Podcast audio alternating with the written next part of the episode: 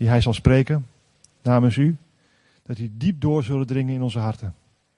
Dat die nog lang zullen naklinken in onze harten, Heer. Dat, ons, uh, dat, dat ze ons zullen aanraken. Dat we onze levens zullen veranderen. Veranderen naar uh, hoe u het wil. U bent onze koning. Wij zijn uw volgelingen. Dank u, Heer. Amen. Amen. Dankjewel. Wel, we hebben al wat eh, mooie dingen gehoord, dus over de 40 dagen. En uh, het is een leidraad, zo moet je het maar zien, waarin we gewoon 40 dagen even samen tijd nemen om weer eens ja, een soort APK'tje te doen met elkaar. APK'tje is goed voor je auto, weet je tenminste dat je veilig rijdt. En dan weet je dat alles in orde is. En als gemeente is het ook goed om eens na een paar jaar uh, gewoon eens met elkaar weer eens een soort APK'tje te doen van waar, waar zijn we nou eigenlijk mee bezig? Uh, waarom, uh, waarom wil ik hierbij horen? Waarom kom ik elke zondag? Waarom kom ik op de kring? Waar is dit allemaal voor? En, en, en heeft God er een bedoeling mee? Wat, is dat, wat was dat dan ook alweer? En we proberen daarin ook een klein beetje een soort ja, synchronisatie te krijgen. Uh, dat we niet allemaal een, alle, alle kanten oprennen, maar ook proberen om samen een soort estafette met elkaar te rennen als het gaat om gemeente zijn. En als het gaat om het inzicht dat we dat een klein beetje ja, met elkaar kunnen delen. En vanmorgen is het onderwerp, dat is, is al ingezet deze week, is het discipelen zijn van Jezus. Discipelen van Jezus zijn. We hadden vorige week dan Jezus als koning en heer. Hoe belangrijk dat is om dat altijd maar weer te beseffen. Dat je hem niet alleen als redder kent van, oh, ik ga wel naar de hemel, ik heb een ticket to heaven. Maar dat je ook weet van, nee, mijn leven is aan hem toegewijd. Hij mag koning zijn in mijn leven. Hij mag op de troon van mijn hart zitten. En hij mag de heer zijn van mijn leven ik onderwerp mij aan mijn Heer, aan mijn Meester. En dan deze week gaat het over discipelen zijn. Jezus was voor de discipelen hun grote mentor. Hij was hun mentor, hij was hun rabbi, hij was hun leraar. Hij was hun voorbeeld. Jezus is nu in de hemel zit aan de rechterhand van de Vader. We hebben deze donderdag Hemelvaartsdag, waarin we dat ook met elkaar weer herinneren.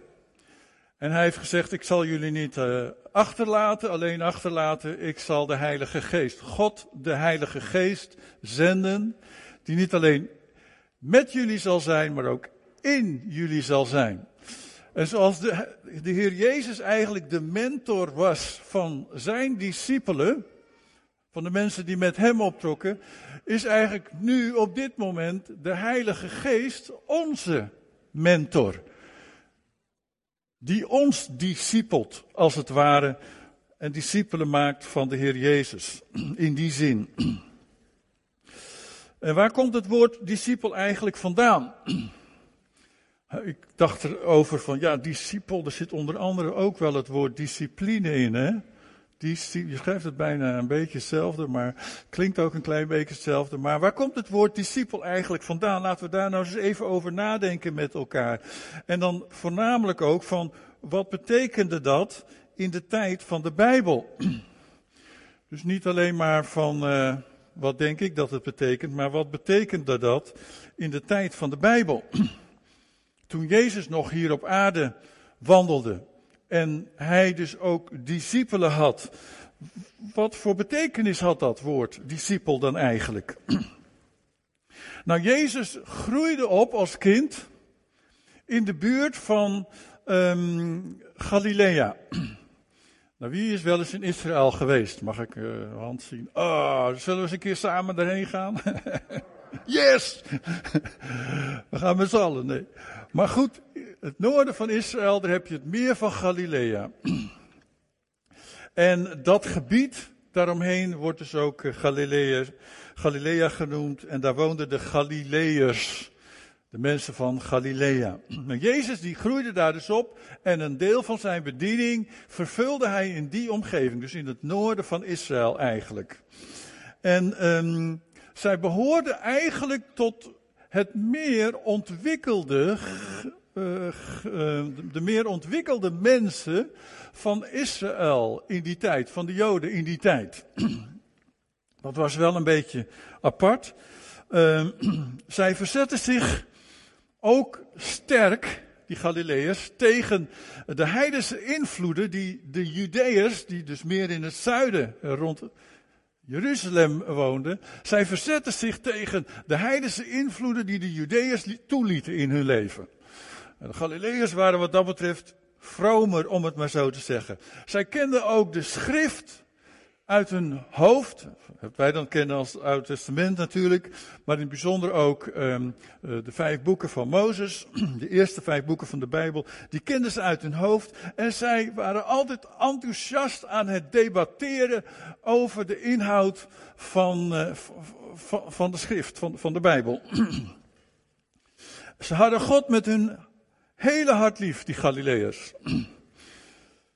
En uh, ze waren eigenlijk ook daarom ook voorbereid. Zij waren eigenlijk de juiste groep, eigenlijk van dat, in dat moment, om die boodschap van de Heer Jezus, de boodschap van de Magut Shenayim, Shenayim, en dat betekent de koninkrijk der hemelen, wat de Heer Jezus verkondigde, daar in Galilea, waren ze helemaal klaar voor om dat te ontvangen. Dat paste helemaal precies in dat moment. Nou, in die tijd was het zo dat uh, het onderwijs, dat was eigenlijk al helemaal vastgelegd in de Mishnah. Dat was een van de boeken van het Jodendom. De Mishnah beschreef het onderwijs voor de kinderen tot en met hun volwassen leeftijd. En um, dat kende de Heer Jezus natuurlijk ook. Hij had het zelf natuurlijk ook ontvangen, dat onderwijs. En in bepaalde dingen herkennen wij dat ook nu, vandaag aan de dag. Want op vijfjarige leeftijd werd er van een jongetje, van een Joods jongetje, verwacht dat hij klaar was om te leren schrijven en lezen. Te leren lezen en schrijven. Dus vanaf vijf jaar moest hij leren lezen en schrijven. En er werd natuurlijk ook de Torah, de eerste vijf boeken van de Bijbel, de vijf boeken van Mozes, werd daarvoor gebruikt. Dus er zaten de kinderen vanaf een jaar of vijf, begonnen ze dan te lezen en begonnen ze dan ook te leren schrijven. Op hun tienjarige leeftijd werd er verwacht dat ze klaar zouden zijn voor de Misnach. Dat, waren, dat was de Torah, de vijf boeken van de, van, van de Bijbel, de eerste vijf boeken van Mozes. Maar dan ook de uitleggingen daarvan. Dus op een tienjarige leeftijd moesten die jongetjes al echt proberen de, de Torah uit te leggen. en uh, dat was gewoon beschreven, allemaal um, in de Mishnah. Nou, op dertienjarige leeftijd was zo'n jongetje klaar om de Talmud, de Talmud, de rabbijnse interpretaties van de Torah, de rabbijnse beschrijvingen en uitleggingen van de Torah, om die te gaan bestuderen. Was je dertien? Was je nog maar dertien? En dan ging hij dat eh, bestuderen. Op zijn achttiende was een jongen klaar voor, dat werd dan in, eh, in het Joods, eh, in het Hebreeuws genoemd, voor de bruidskamer. Met andere woorden, dan was hij eigenlijk klaar om te gaan trouwen. Vanaf zijn achttiende. En vanaf zijn twintigste was hij klaar, werd van hem verwacht dat hij dan een beroep zou gaan kiezen. Nou, zo was eigenlijk dus dat leven van zo'n jongetje, van zo'n Joods jongetje, helemaal vastgelegd in de Mishnah. Werd helemaal beschreven. En daar, daar volgde ze ook heel nauwkeurig op. En als hij dertig was, is hij dertig? Nou, dan was hij dus klaar om anderen te onderwijzen. Om gezag te hebben over anderen. Zo was dat allemaal beschreven in de Mishnah. Dit was het patroon van die mensen die daar in Galilea woonden. Dit was dus ook wat Jezus had ontvangen aan onderwijs. En uh, slimme studenten die liepen daar gewoon helemaal zo netjes doorheen. Vanaf het moment dat ze vijf jaar waren en begonnen te lezen en te schrijven, totdat ze dertig waren en eigenlijk gezag mochten hebben in onderwijs. En we zien eigenlijk ook dat het eigenlijk wel overeenkomt met het moment waarin Jezus zijn bediening begon, want dat was zo rond zijn dertigste. Uh, dat hij dus ook met gezag begon te spreken en onderwijs begon te geven over het koninkrijk der hemelen. Nou, er waren aan de plaatselijke synagogen, waren er ook scholen verbonden. Wij kennen dat niet meer zo in deze tijd, maar vroeger had je natuurlijk ook dat bepaalde kerken hadden dan ook bepaalde scholen. En uh, de Rooms-Katholieke Kerk, ik kan me nog herinneren dat bij ons om de hoek in de straat in Alkmaar, was een Rooms-Katholieke school en die was verbonden aan de Rooms-Katholieke Kerk. En dan had je protestantenschool, die was dan verbonden aan de protestantkerk. En ook onze kerk, hè, wereldwijd bekend als Assemblies of God of al Pinksterkerken, hebben in heel veel landen hebben hun, onze kerken ook hun eigen scholen. Jammer dat wij dat wat lastig kunnen regelen in Nederland. maar goed, eh, dus waar de kinderen dan ook met goed, gezond bijbels onderwijs werden onderwezen. Maar in ieder geval daar in die tijd van de Bijbel waren de scholen ook verbonden aan plaatselijke synagogen. En elke community had zijn eigen leraar, zijn eigen rabbi of zijn eigen rabbijn. Rebbe ook wel genoemd. En die was verantwoordelijk voor het onderwijs van de kinderen. totdat ze dan ja, volwassen werden. Hij had daar een, taak in en, en, een directe taak. Hij had niet direct een taak in de synagoge, maar hij was wel verantwoordelijk voor, voor onderwijs. En ik ben wel eens in, uh, in Israël geweest, ik ben een paar keer geweest en ik ben ook een keer gewoon bij een, zo'n rabbijn uh, in zijn schooltje geweest. Er zijn er verschillende en die zitten door, door heel Israël nu ook nog. En dan, uh, als je daar binnenkomt, dan heeft hij daar gewoon een klein lokaaltje. En uh, met een uh, boeken in de kast. En daar komen dan rondom een grote tafel. zitten dan een aantal leerlingen elke dag. om van hem onderwijs te krijgen. Nou, de beste studenten. De beste studenten, ook in de tijd van de Bijbel. gingen verder studeren onder een beroemde rabbi. Die zocht je dan uit. Dan ging je er gewoon eentje uitzoeken. Zeg van, nou, we hebben gehoord van die of van die of van die. En dan ging je studeren onder een beroemde rabbi. En dan moest je soms het, het, uh, ouderlijke huis voor in de steek laten. Moest je dus achterlaten. En dan moest je dus echt gaan leven en gaan wonen voor een langere tijd met die rabbi. Met die leraar. En dan trok je met hem op. En deze studenten werden dan ook wel Talmidim genoemd. De Talmidim. Ofwel discipel van die rabbi. De Talmidim. De discipelen die hoorden bij die of bij die rabbijn of rabbi. En uh, dat betekende wel wat meer.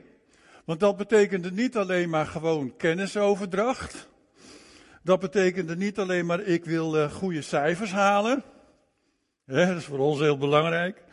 En dat betekende niet van uh, ik wil slagen voor mijn uh, examen. Of mijn best doen voor mijn leraar, want het is zo'n aardige man. dat heb je toch wel. Ik deed vroeger mijn best voor mijn Franse lerares. Die zit er ook heen. Want ik vond die zo aardig. Dus daar deed ik mijn best voor. en dan mocht ik eh, mijn lesje opdreunen en dan uh, mocht ik voor in de klas staan. En dan, uh, ja, dan, deed ik dat voor haar. Ik zelf vond het niet zo heel veel aan, maar goed, ik, ik, vond het een aardige Franse lerares. En ja, maar als je Talmedim was, een student van een rabbijn, dan betekende het veel meer. Want dan wil je net zo worden als die rabbi. Wil je je precies zo worden. Niet alleen kennisoverdracht, maar je wilde eigenlijk eigenlijk zou worden wat die rabbijn belichaamde.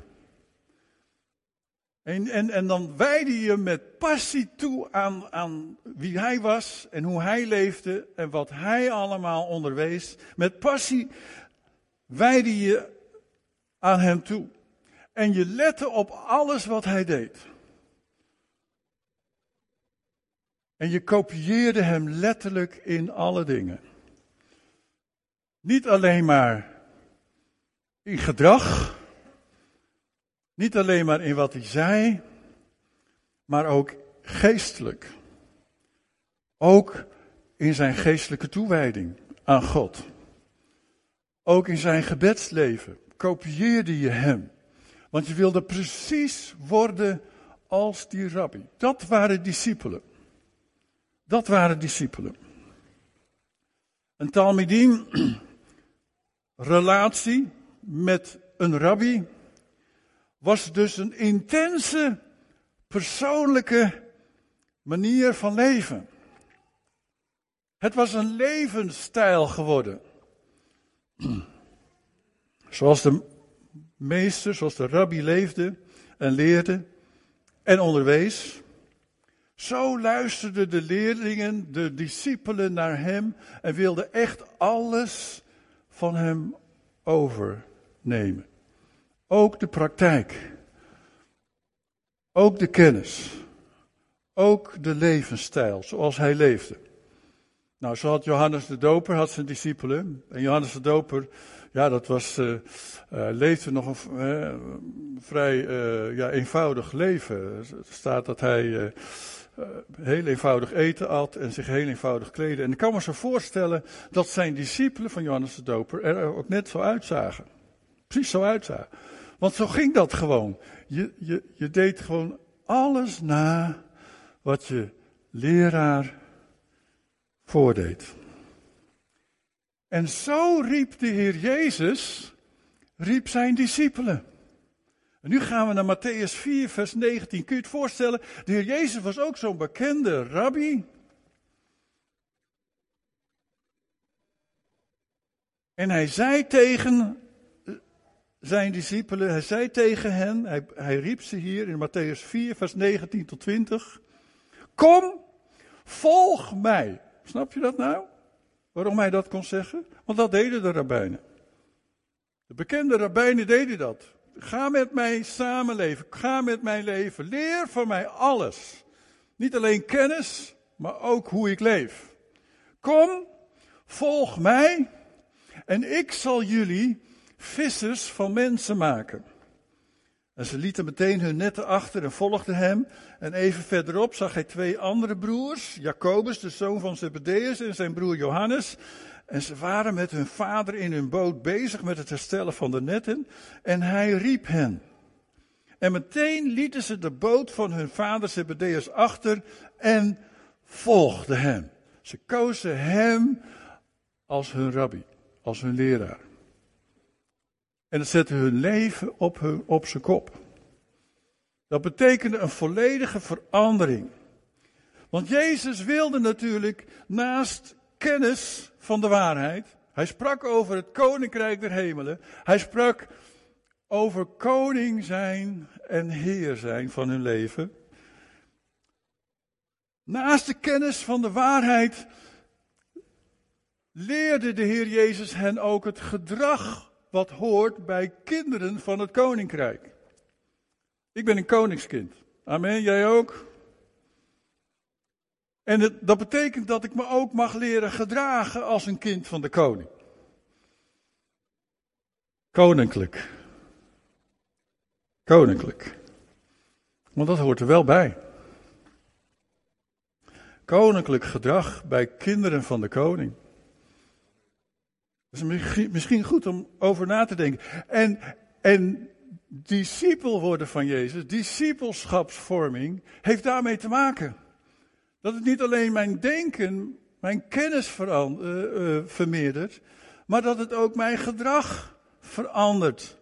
Hij wilde hun het juiste gedrag leren. Hij wilde hun de juiste houding naar God toe leren. Zoals hij als zoon van God zijn zijn verhouding tussen hem En God de Vader, dat wilde hij ook leren aan zijn discipelen. Daarom dat hij hen ook dat gebed leerde. Van ik leer jullie een gebed. Onze Vader die in de hemelen zijt. En dan wilde hij niet alleen de woorden aan hen leren, maar ook de relatie aan hen overbrengen. Hij wist dat het niet genoeg was om alleen maar ideeën te ontvangen, maar ook het juiste gedrag wat erbij hoort. En uh, in Johannes 8, vers 31 en 32, daar zegt de Heer Jezus tegen de Joden die in Hem geloofden. Hij zei, wanneer u bij mijn woord blijft. Nou, wat betekent dat? Blijven bij het woord. Wanneer u bij mijn woord blijft, dat betekent niet alleen maar kunnen herhalen. Maar als je erbij blijft, dat betekent dat je ook daarna gaat leven. Dat is discipelschap. Wanneer je gaat leren leven naar het woord van God, dan bent u werkelijk mijn leerlingen. Dan ben je werkelijk mijn discipel. U zult de waarheid kennen en de waarheid zal u bevrijden.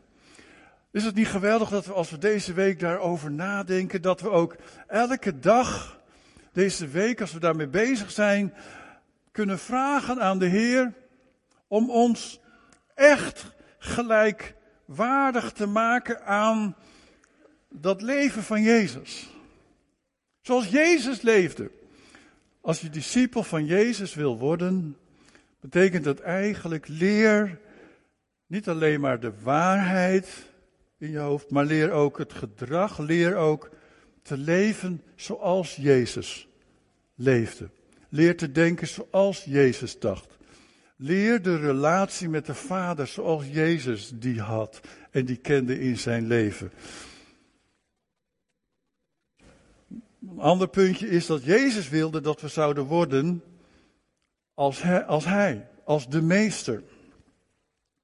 Denken, de Vader vertrouwen zoals Hij de Vader vertrouwde, dat wij dat ook zouden leren. En dat hij, wij zouden handelen zoals Hij handelde. Want dat is nogal wat. En het, uh, wat ik zo mooi vind is dat in de tijd van de Bijbel, toen Jezus daar met zijn discipelen wandelde, was Hij het zelf die dat hen voordeed, die met liefde hen dat, ja, hen daarin coachte, hen daarin in eigenlijk begeleidde, um, mentor was. Maar voor ons nu, vandaag aan de dag, is het de Heilige Geest die dat wil doen. Die ons wil maken naar het beeld van Jezus. En niet alleen dat wij uh, alle teksten van de Bijbel kennen, maar dat we dat leven van Jezus internaliseren. Dat het ons eigen gaat worden. Nou, daar kan ik de rest van mijn leven nog wel mee bezig zijn. Want daar moet ik nog heel veel in leren. Ik weet hoe het bij jou is.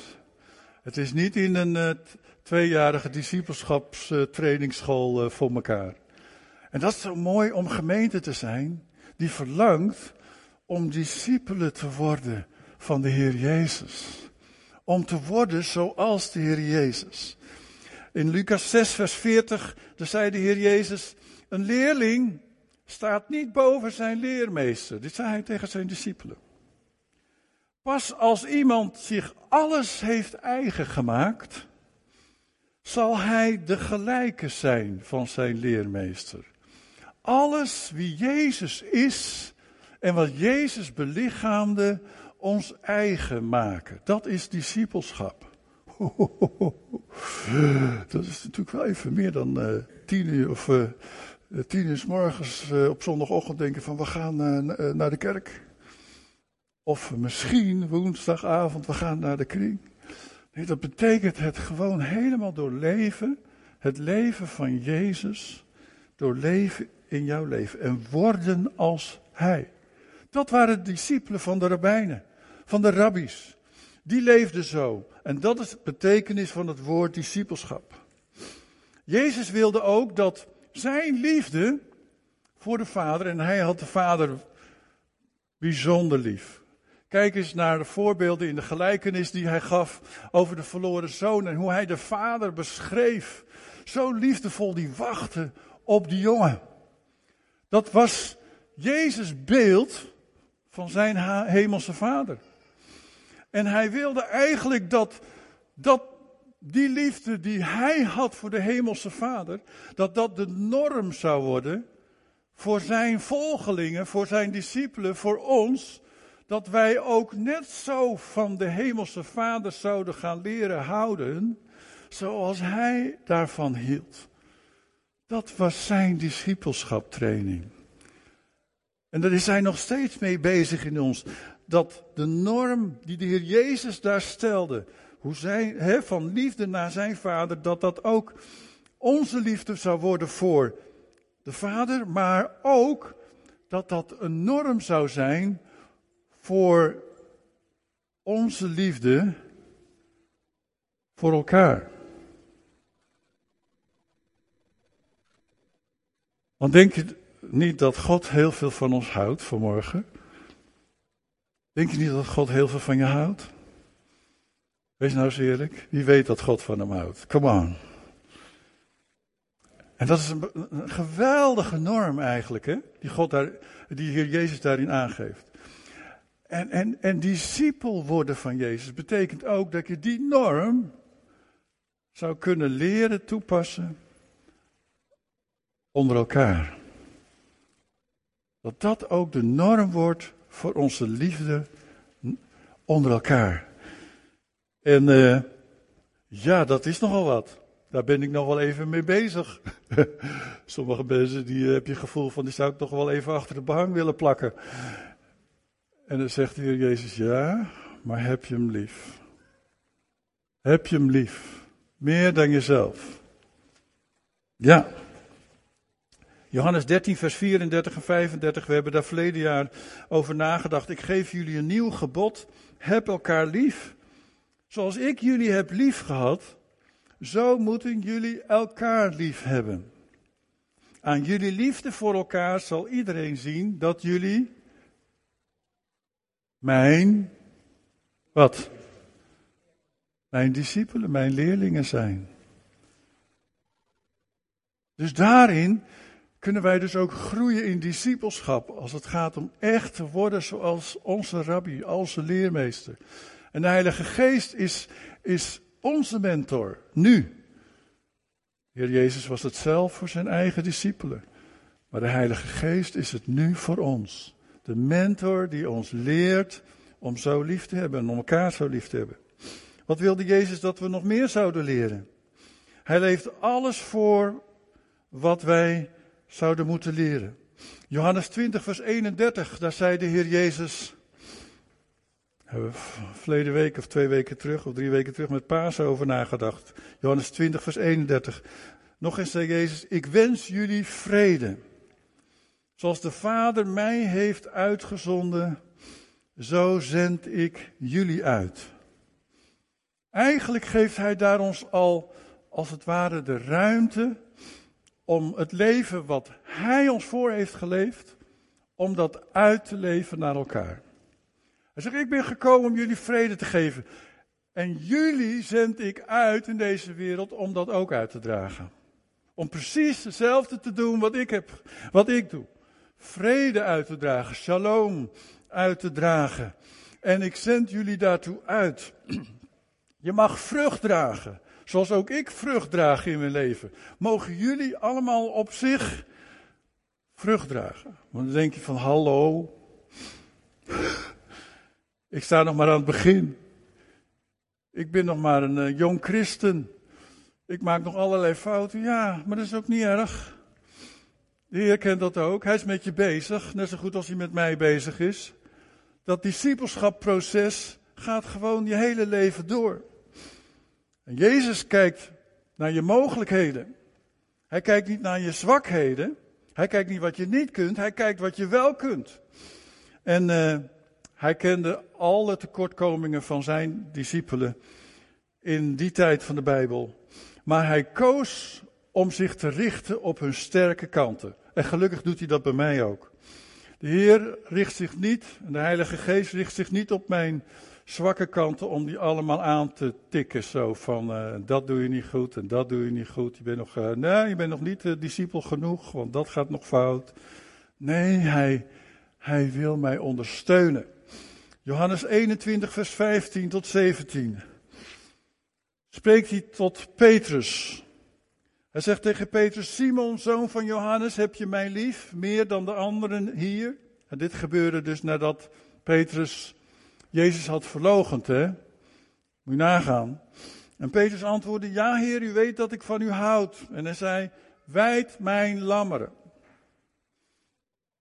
Nog eens vroeg hij Simon, zoon van Johannes, heb je me lief? En hij antwoordde, ja heer, u weet dat ik van u houd. En Jezus zei, hoed mijn schapen, ga aan de slag. Ja, maar ik ben er nog niet aan toe, heer. Ik, ik, uh, ik heb nog slapeloze nachten over de verlogening van u. De zegt, uh, ophouden. Ik zie jouw sterke kanten. Ik kijk niet op jouw zwakheden. Ik kijk niet op jouw fouten. Ik weet heus wel dat je tekortkomingen hebt. Maar ik wil graag dat je vrucht draagt voor mij. Ga aan de slag. Ga wat doen. Wees mijn discipel. Ga aan de slag met wat je van mij ontvangen hebt. En Jezus vormde hierin uh, onder andere een andere discipel, Petrus overigens ook, die later zou schrijven in 2 Petrus 1 vers 3, moet je nagaan wat er dus in Petrus was gebeurd in al die tijd. Hij schreef dan zelf, zijn goddelijke macht heeft ons alles geschonken wat nodig is voor een vroom leven. Oh, halleluja. Dus God schenkt mij alles wat nodig is voor een vroom leven. Betekent niet dat ik een, eh, een laddertje moet beklimmen van wat ik allemaal moet doen en presteren voor God. Maar nee, hij schenkt mij alles wat er nodig is. Halleluja. Wie is daar blij mee? Amen. Gelukkig maar, hè. En dat willen wij wel leren. Wij willen in dat discipelschap leven komen. Wij willen dat discipelschap, die vorming, die geestelijke formatie van de Heer Jezus door de Heilige Geest nu in ons leven toelaten. Jezus ontwikkelde zijn discipelen dus niet alleen verstandelijk, maar ook in liefde, in affectie, in gedrag dus, in geestelijke dingen en in karakter. Petrus schreef nog weer later in, uh, over zijn, zijn, zijn rabbi, over zijn meester, in 2 Petrus 1, vers 4 tot 7. 2 Petrus 1, vers 4 tot 7 moet je lezen hier. Hiermee zijn ons dus kostbare, rijke beloften gedaan. Opdat u zou ontkomen aan het verderf dat de wereld beheerst, als gevolg van de begeerte. En opdat u deel zou krijgen aan de goddelijke natuur. Span daarom al uw krachten in om uw geloof te verrijken met deugdzaamheid. Hier wordt dus wel gesproken over gedrag en over karakter. Dus verrijk je geloof met deugdzaamheid. Dat zijn goede dingen. Uw deugdzaamheid met kennis. Uw kennis met zelfbeheersing. Oh, wie is al helemaal, wie is al helemaal uitgeleerd als het over zelfbeheersing gaat?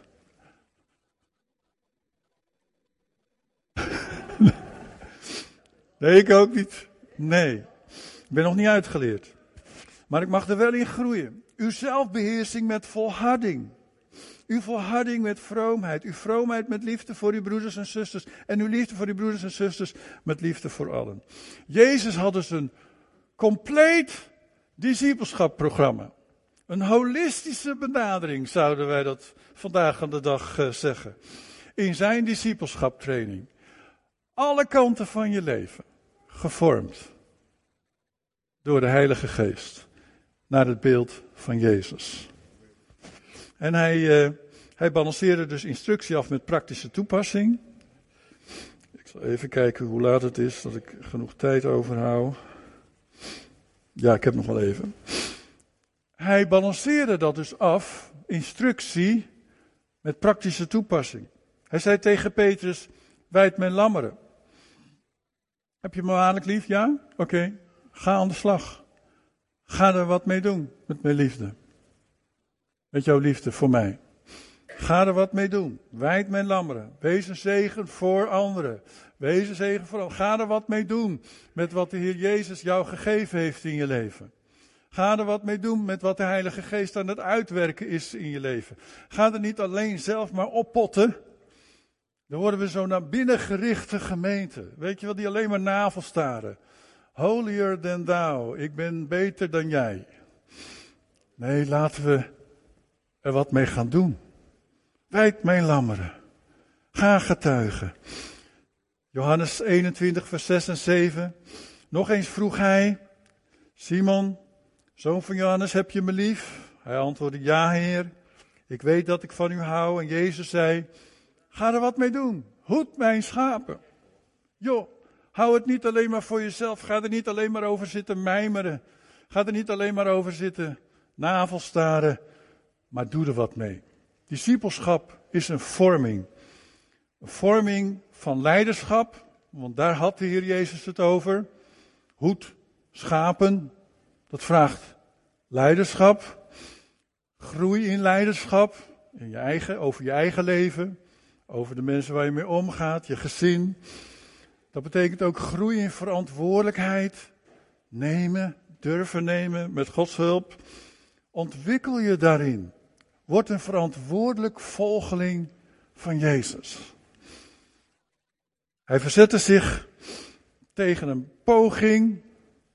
Jezus verzette zich tegen een poging om zijn rabbijnschap, zijn leraarschap, zijn mentorschap te institutionaliseren. We zouden ook wel kunnen zeggen van nou, uh, joh, uh, drie maanden cursus en je bent er. Nee, Jezus zei in Matthäus 4, vers 19: Kom, volg mij. En dat was eigenlijk een open eind.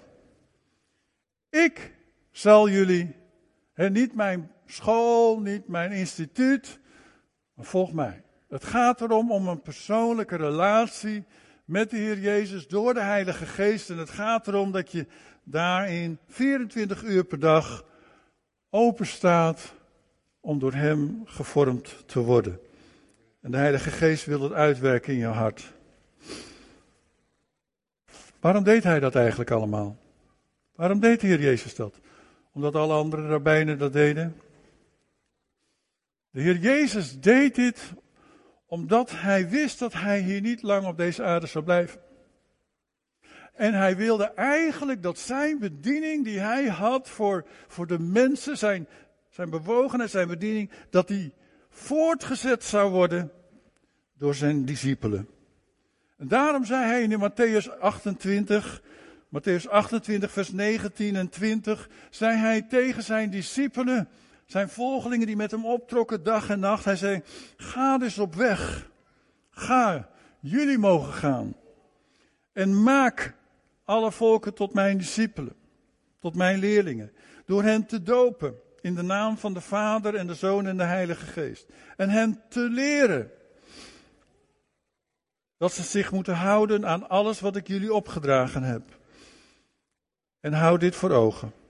Ik ben met jullie alle dagen tot aan de voltooiing van deze wereld. Leiderschap gaat hier hand in hand met een stuk verantwoordelijkheid nemen. Met het doen. Met het uitvoeren van. Ja, maar daar ben ik nog niet goed genoeg in. Ja, maar de Heilige Geest is daar om ons toe te rusten. Om ons te ondersteunen, om ons te helpen, om ons te bemoedigen. Om ons datgene te geven wat wij zelf niet in huis hebben. De gave van de Geest.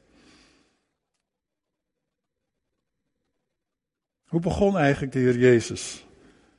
Zijn manier van discipelen. En dat is iets wat wij ook kunnen leren in de gemeente. Kunnen we iets van leren? Ik ben bijna klaar.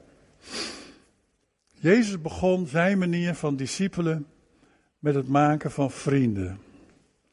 eigenlijk een goed discipelen, en dat, dat ontstaat ook in de gemeente onderling met elkaar, dat, dat ontwikkel je, of dat, dat ontstaat eigenlijk alleen maar als het begint vanuit vriendschap. En in onze gemeente hoop ik dat er genoeg ruimte is voor vriendschappen. Hallo. Ja. En ik zie dat ook wel. Dit, dit is een vriendelijke gemeente. Ik, ik moest in het begin even, wennen aan, aan, aan, aan die huk. Hè? Ben ik niet bang van hukken. Ik huk mensen over de hele wereld. Maar het is hier heel gewoon. En er zit iets diepers in van elkaar echt willen, willen kennen en elkaar ook vertrouwen. En elkaar vriendschap aanbieden. En ik denk dat als wij onderling ook elkaar ondersteunen in de ontwikkeling van ons discipelschap, dat dat het beste kan beginnen vanuit vriendschap.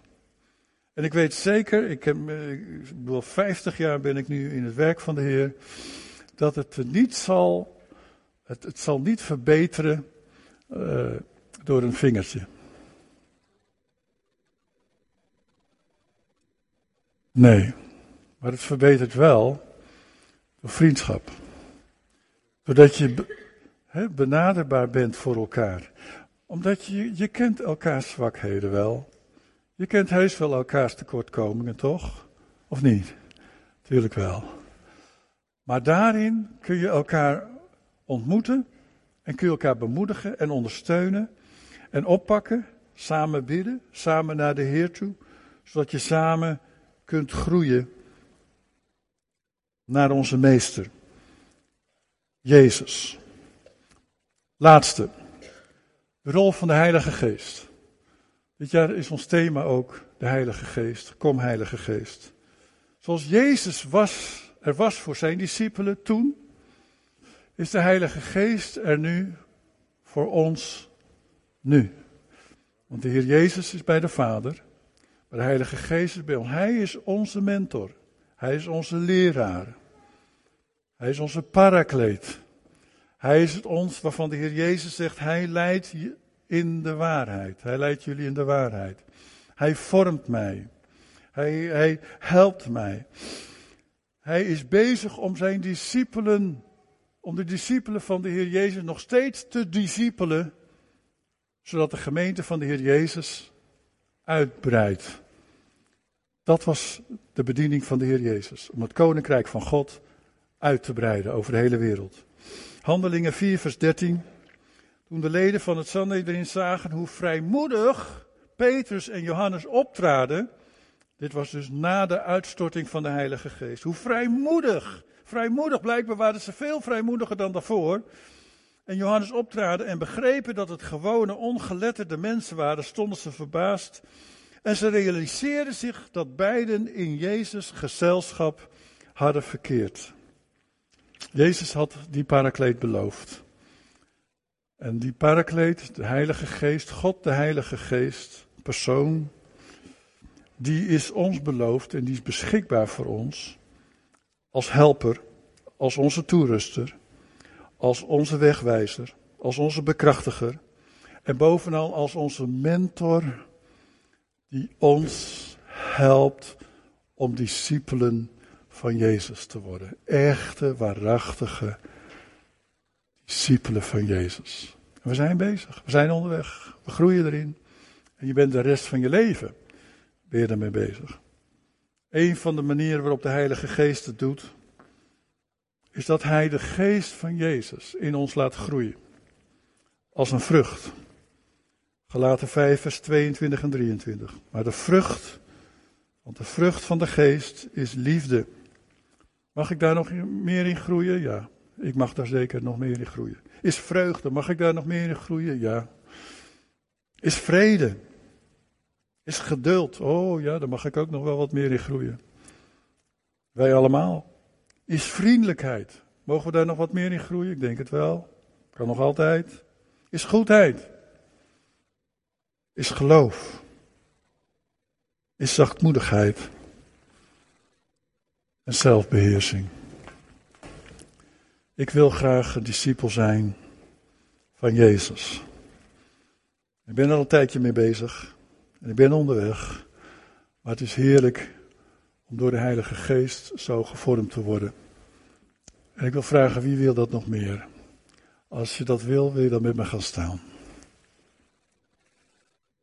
Ga staan even met mij. Vader, dank u wel voor wat u bezig bent te doen onder ons in de gemeente Leef. En Heer, dit is een gemeente die een getuige wil zijn voor u. En we weten dat wij mensen zijn met onze beperkingen, met onze tekortkomingen, maar we weten ook dat wij in de school van de Heilige Geest gediscipeld worden om te worden als Jezus. En als we daar ook deze week mee bezig gaan, dan willen we onze harten er wijd voor openstellen en ook onze levens. En zeggen, Heer, doe maar wat nodig is. Vorm mij maar. En Heer, u heeft ons aan elkaar gegeven om, om die vorming, ja, plaats te laten vinden in ons leven. Ik heb mijn broer en mijn zus nodig.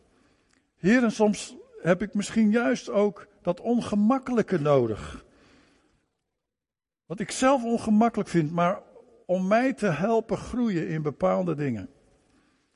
En Heer, help mij om dat te zien. Om me er niet tegenaf te zetten, maar zeggen dank u wel voor de gemeente. Dank u Heer voor mijn broers en zussen. En dank u wel voor het werk van de Heilige Geest, die ons vormt naar het beeld van Jezus. Ga maar door. Heer, ik leg mijn leven op het altaar en ik ben beschikbaar voor u. Heer, help ons om ook een zegen te worden voor anderen. Heer, om ook te durven te gaan staan in die opdracht die u gaf aan uw discipelen. Heer, dat het niet alleen maar is voor onszelf, om onszelf ja, te zegenen en gezegend te worden, maar ook om uit te gaan naar zoveel mensen in nood die u niet kennen. En dank u Heer dat u bezig bent om dat uit te werken in ons, door ons. En dank u voor elke ontmoeting die we hebben, elke dag weer met andere mensen. Heer, om iets te laten zien van de liefde van Jezus aan hen. En Heer, u heeft zut verlief en u heeft ons geplaatst in deze in deze plaats met een bedoeling om een getuige te zijn van Jezus. En dank u dat u daar ons in gaat helpen om dat uit te werken. En dat we mogen groeien in dat discipelschap. In Jezus' naam. Amen. Amen. Amen. We gaan een fijn lied zingen met elkaar. Uh, 648. U roept ons Vader.